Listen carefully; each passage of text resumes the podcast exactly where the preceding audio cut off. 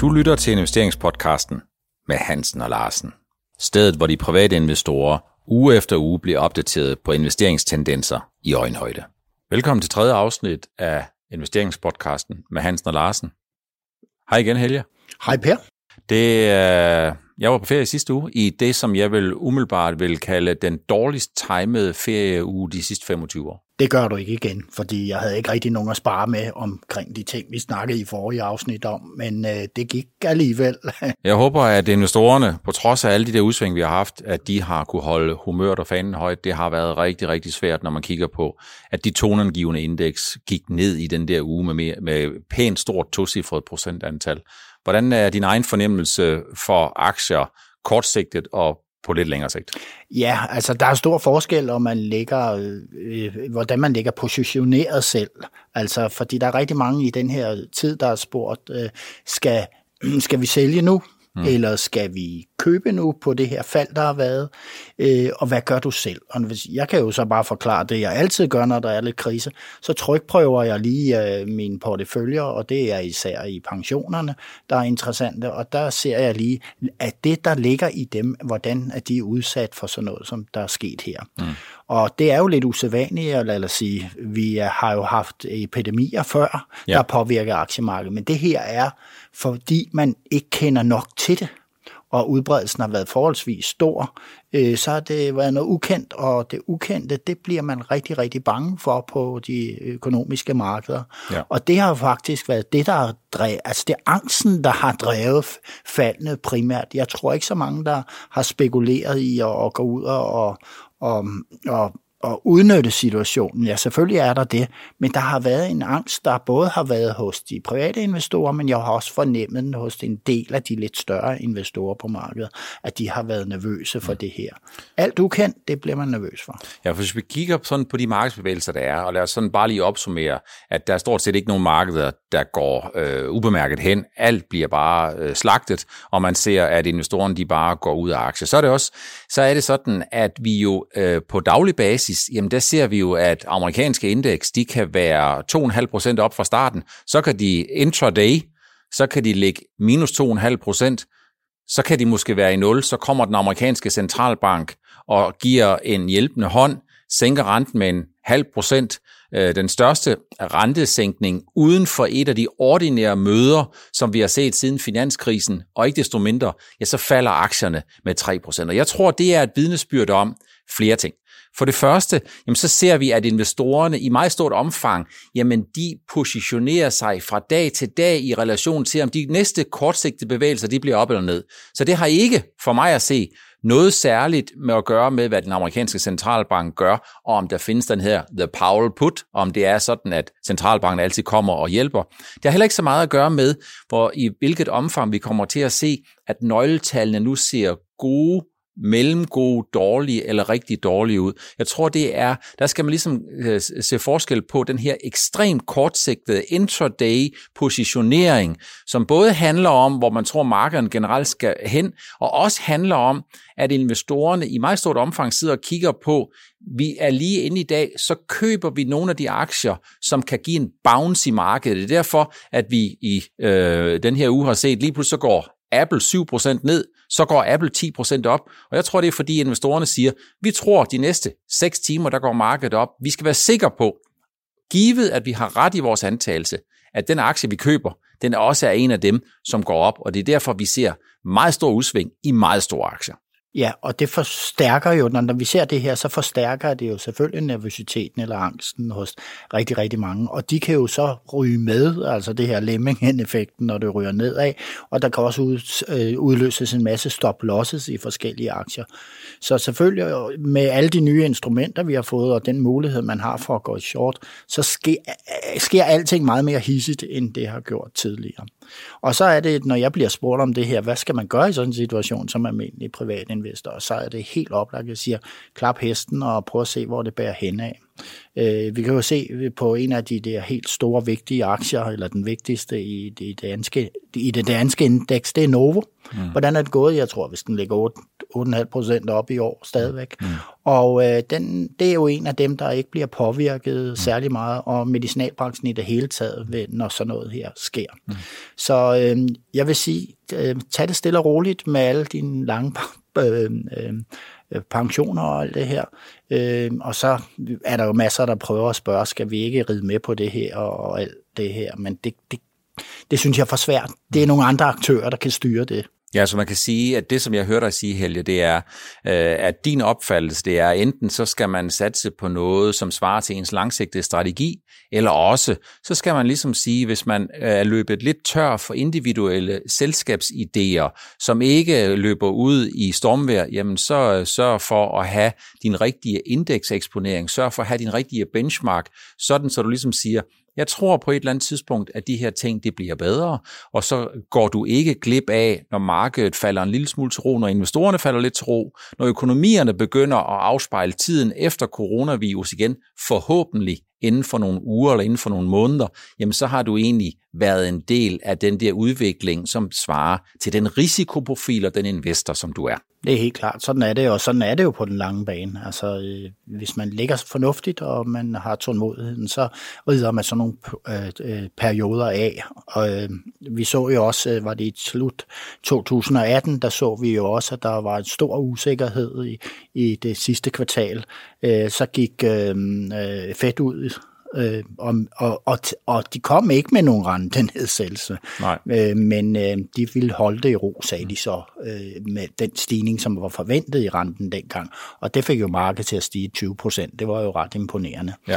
Nu har vi så set, at de har været ude med en kraftig reducering, men øh, det gav sådan umiddelbart det, den, den, den forkerte effekt. Det var i hvert fald ikke, hvad de havde håbet på, men lad os nu se, hvad der sker de kommende dage. Altså jeg tror mere mest på, at den der effekt, vi så efter rentenedsættelsen, den var relateret til, at investorerne er i panik, og det vil sige, jeg tror, at Fed var fanget i en catch-22, uanset hvad de gjorde, ja, så vil investorerne tænke, I gør det forkerte. Ikke fordi Fed de gør det forkerte, men fordi investorerne de er nervøse, og de tolker måske lidt det her signal som den første og den største rentenedsættelse siden 2008, som om, at Fed har adgang til nogle nøgletal, som andre ikke har. Det tror jeg simpelthen ikke på. Vi har historisk aldrig set, at Fed ligger inde med nogle informationer på nogle nøgletal, som skal offentliggøres øh, om tre dage, om tre timer eller et eller andet, for de har ikke tallene, og de får ikke tallene. Det svarer nogenlunde til ligesom at mistænke Fed for at have insider trading. Ja, hvad mener du med ECB, der har været meldt ud, at der, der er ingen grund til at,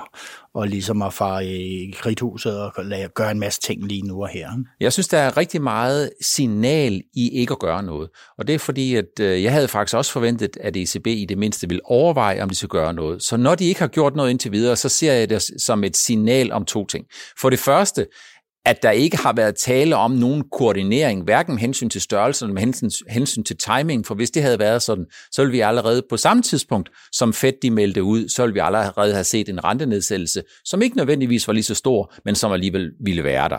Så når vi ikke umiddelbart efter så, at ECB gjorde noget, så tror jeg også, det hænger sammen med, at de europæiske renter jo har en meget, meget mindre faldhøjde end de amerikanske. De europæiske renter har været negative rigtig, rigtig længe, øh, og øh, udgangspunktet er nok øh, Øh, af en sådan kaliber, at ECB-folkene allerede er lorne ved det nuværende niveau, og det at forestille sig, at man skal sænke de korte renter yderligere, som kan få en indflydelse på de lange renter, det tror jeg, at man er noget lorne ved at gøre. Så jeg tolker det, at ECB øh, ikke har gjort noget, og Dansk Nationalbank så jo selvfølgelig heller ikke har nogen grund til at følge med en udvikling, som ikke har været der, den tolker som om, at man i Europa ikke i den nuværende situation skal sætte næsen op efter en hurtig rentenedsættelse, simpelthen fordi niveauerne er allerede ekstremt stimulative. Og så tror jeg heller ikke, vi har det samme politiske pres på ECB, som øh, Fed er udsat for i USA for Trump. Og, altså der er altså pres derover uden lige for, at øh, jamen, det løser vi bare ved, ved, ved sådan øh, knips med fingrene. Ja. Og det er jo ikke sådan, vi får løst det her krise med, med, med en, en virus, der, der spreder sig.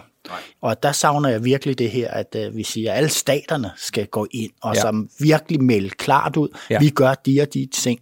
Og så synes jeg, det var rigtig godt, at vi så Verdensbanken gik ud og sagde, at vi skal nok putte rigtig, rigtig mange penge efter de lande, der har dårlige sundhedssystemer. Mm. Jeg tror sådan noget, det er en meget bedre signalværdi, og der sidder alle de her mennesker med forskellige forudsætninger, der investerer i aktier, de vil sidde og sige, at det er et problem, det er håndterbart. Øh, vi så, hvordan det gik i Kina, hvis vi nu kan stole på de tal. Mm. Vi så, hvordan det gik der med, med raten af en nye antal smittede, og hvordan der blev flere og flere raske. Og så har man fået gang i produktionen igen.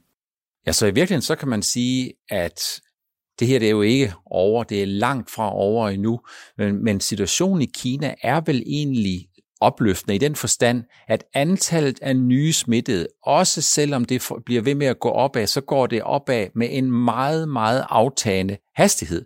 Og det er vel den gode nyhed, ikke kun i relation til Kina, ikke kun i relation til Kinas nære naboer, men det er vel også en rigtig god nyhed i relation til, at det, den tid, det tog i Kina med hensyn til at komme tættere på at få stabiliseret det her, jamen det er vel noget, man et stykke hen ad vejen kan lægge ned som skabelon over Europa igen, øh, og ligesom sige, jamen det er måske nogenlunde det tidspunkt, som vi skal være meget nervøse for, og ekstra agtpågivende for, at det her det kan sprede sig. Er du ikke enig i det? Jo, det er det, men, men Kina er jo lidt specielt. Det er jo lidt af en styreform, de har derovre, end det vi har i den vestlige verden.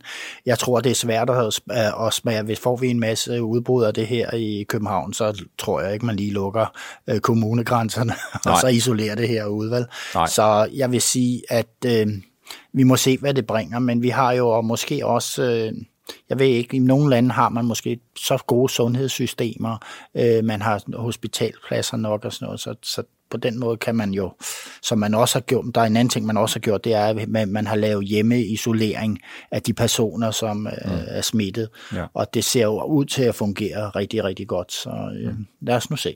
Er du nervøs, Helge, over de øh, PMI-tal, vi fik onsdag fra Kina med Kaising PMI-indekset, som nogenlunde bliver halveret fra 51 noget ned til 7 Overhovedet ikke. Altså, det, ja, det, det, det, altså, der var rigtig mange, der var chokeret, og mm. der var masser af skriverier om det, men hvad havde man ellers forventet sig? Vi har jo set, at der ikke var nogen biler på vejene i Kina, og mm. der, der var ikke noget produktion, og fra satellitbilleder kunne vi se, at der kom ikke noget røg ud af nogen skorsten, ja. så jeg var da helt klar på, at det her, det vælter ned. Ja. Og så kan man sige, at PMI er jo lavet på en måde med, at det er nogle indkøbschefer, sådan noget, som melder tilbage. Ja. Altså, så, så det er jo også farvet farvet af situationen rent mm. psykologisk, når du, ja. lige uanset hvilken position du har en virksomhed, så er man jo nervøs for, hvor det går hen af, og så har man sikkert også mere negativ manelse.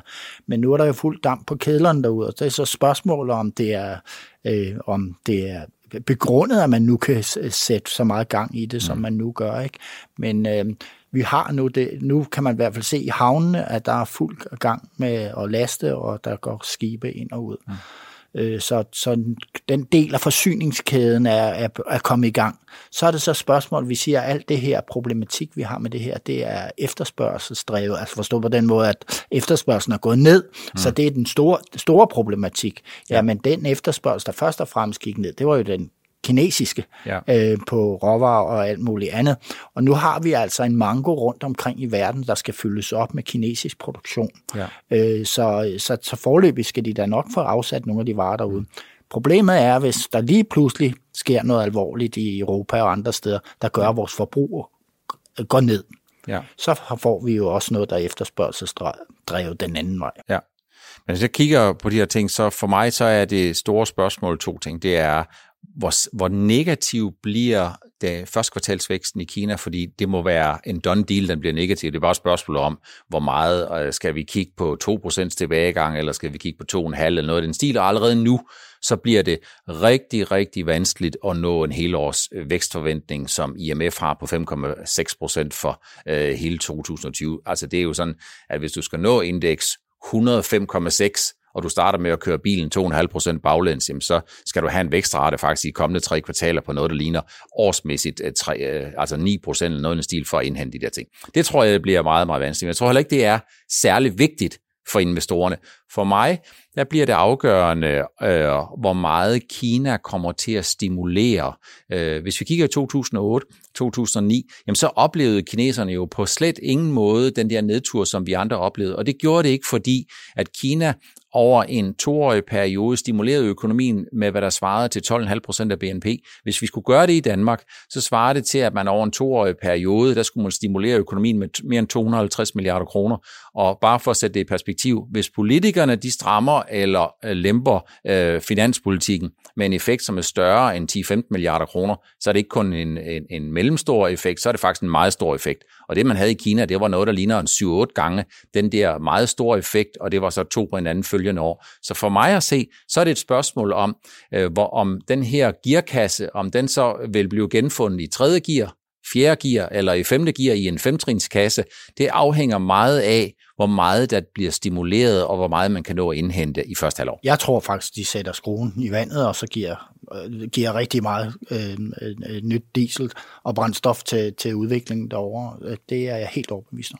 Ja, så du, du er ikke sådan, øh, du er ikke, du er ikke Kina-pessimist, i, øh, hvad skal man sige, yderligere nej, Kina. Nej, og jeg ser sådan på det, at der er jo en lovlig undskyldning for, at deres, deres øh, vækst bliver meget, meget mindre ja. kan vi regne ud i år. Og så, ja, så tænker man som investor, nå ja, men det var den her virus, der var skyld i det. Ja. Så øh, det, det bliver nok bedre i 2021. Det er sådan, ja, sådan tror jeg, man tænker.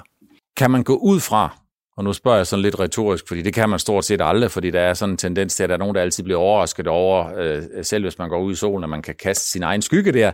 Men kan man gå ud fra, at investorerne nu burde være øh, forberedt på, at øh, februar og marts måneds nøgletal, også fra USA øh, og også fra Europa, de kommer til at afvige til den svage side. Jeg vil umiddelbart sige ja, men øh, vi så med PMI-tallene, det forskrækkede alligevel, ja. ikke? så nu må vi se. Ja. Hvis vi skal skifte en lille smule spor, øh, så er der amerikansk valg, og øh, Super Tuesday, og øh, her øh, øh, midt på ugen, jamen der har vi jo fået, at Joe Biden har gjort comeback. Øh, han vinder 9 ud af 14 stater, så vidt jeg lige umiddelbart kunne se. Han vinder Texas, han vinder ikke Kalifornien, det var heller ikke ventet. Men øh, for mig at se, der er det en game changer risikomæssigt i forhold til den potentielle risiko, som investorerne kunne se ved, at Donald Trump måske skulle op i valgkampsringen mod Bernie Sanders. Ikke fordi jeg tror, at Bernie Sanders ville øh, have nogle særlig gode chancer for at vinde, men hvis du på den ene side har en Donald Trump, som uanset hvor uhåndterbar en størrelse vi synes han er, og du har en Joe Biden på den anden side, jamen så er det for mig at se, så er der ingen tvivl om, at begge øh, er meget pro-economy. Øh, og det tror jeg er, er rigtig vigtigt øh, for øh, investorerne og for aktiemarkedet. Ja, det giver en, en ro, altså at vi kan tænke, at der er to kandidater at vælge imellem, men de vil være os det alle, øh, begge godt. Ja. Og det tror jeg er rigtig vigtigt, at øh, det, det er kommet til at ske. Så øh, man kan sige, den del, som vi har været så bekymret for, det, den, den, øh, det kan jo være, at vi får en anden, der er lige så god på økonomien, som Tom for åbenbart har været, eller skubbet på, og inspireret med alt, hvad han nu finder på at narstreger. Øh, det kan jo være, at vi får en, der er bare lidt mere rolig i sit udtryk. Ja.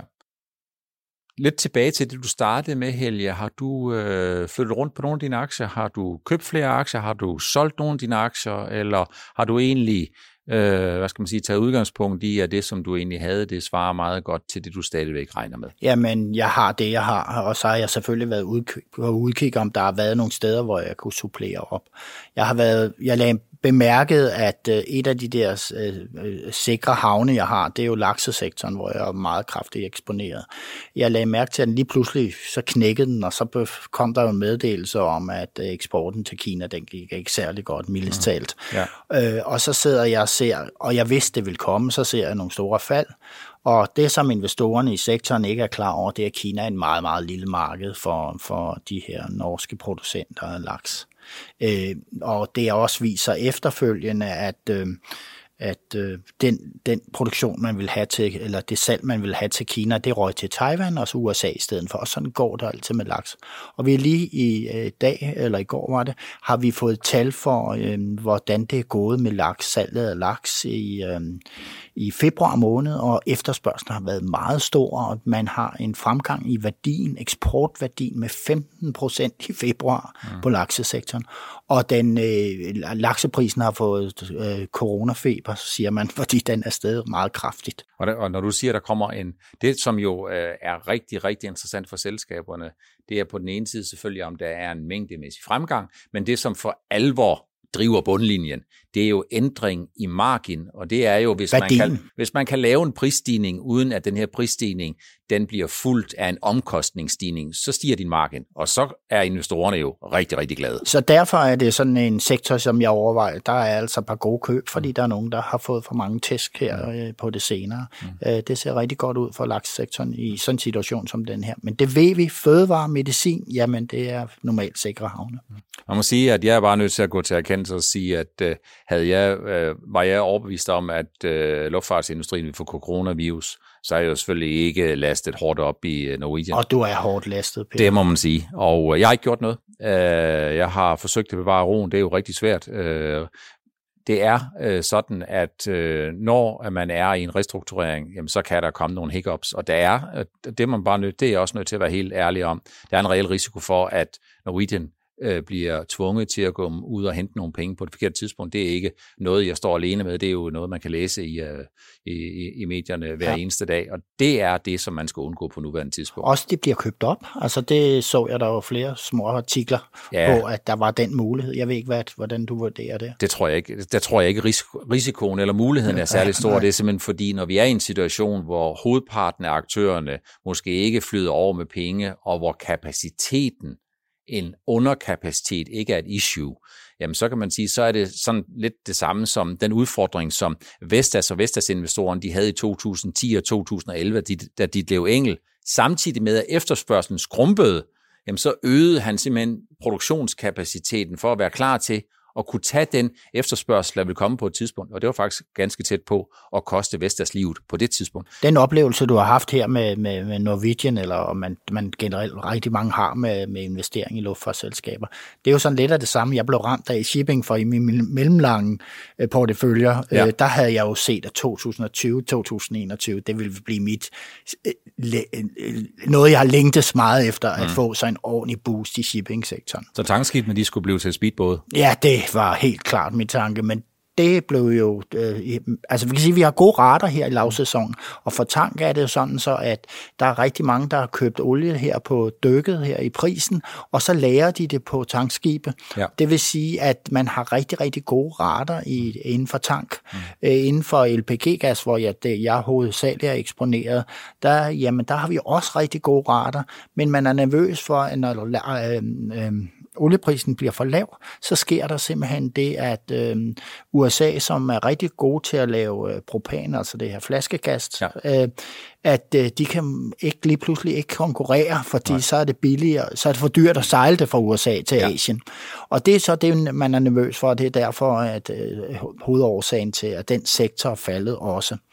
Men lad os nu se, jeg, jeg er altså lige så snart, da Kina kommer op i gear, og forhåbentlig ikke så store udbrud af af virus i Europa og i USA, jamen så bliver der altså sejlet igen.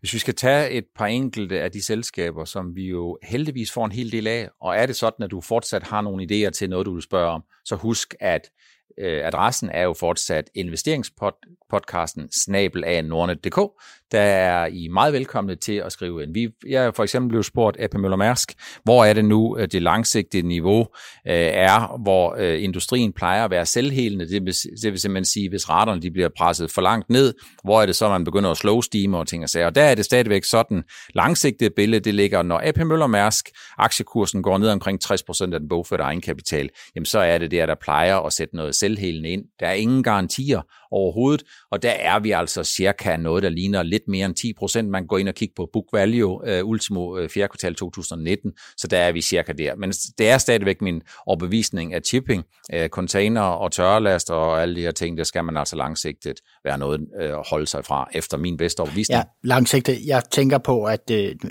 i og med, at vi har det her med den her scrubber-problematik, uh, at der er nogen, der skal, uh, mm. der er nogen, der ikke rigtig kan sejle på, på øh, uden at, at rense røgen. Mm.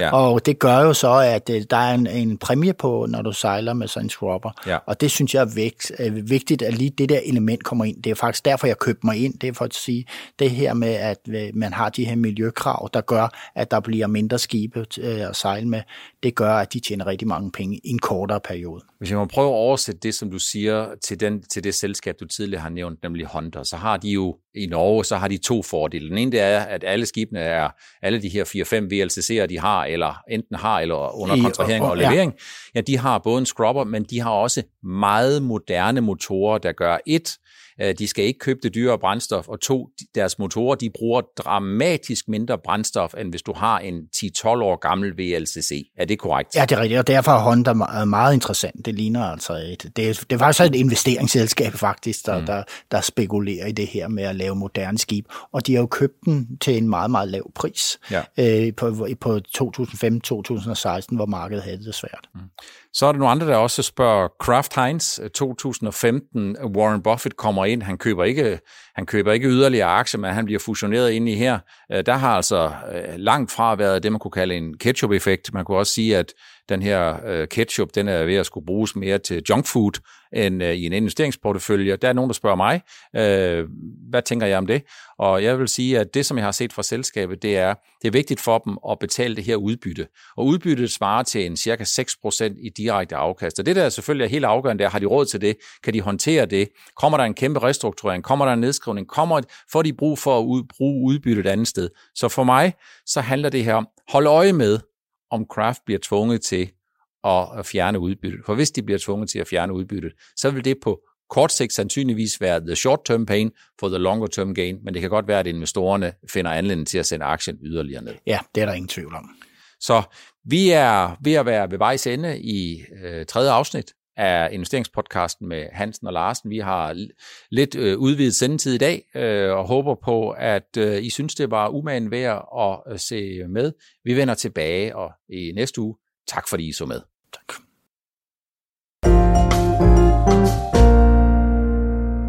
Du lyttede til investeringspodcasten med Hansen og Larsen. Vi ses igen i næste uge.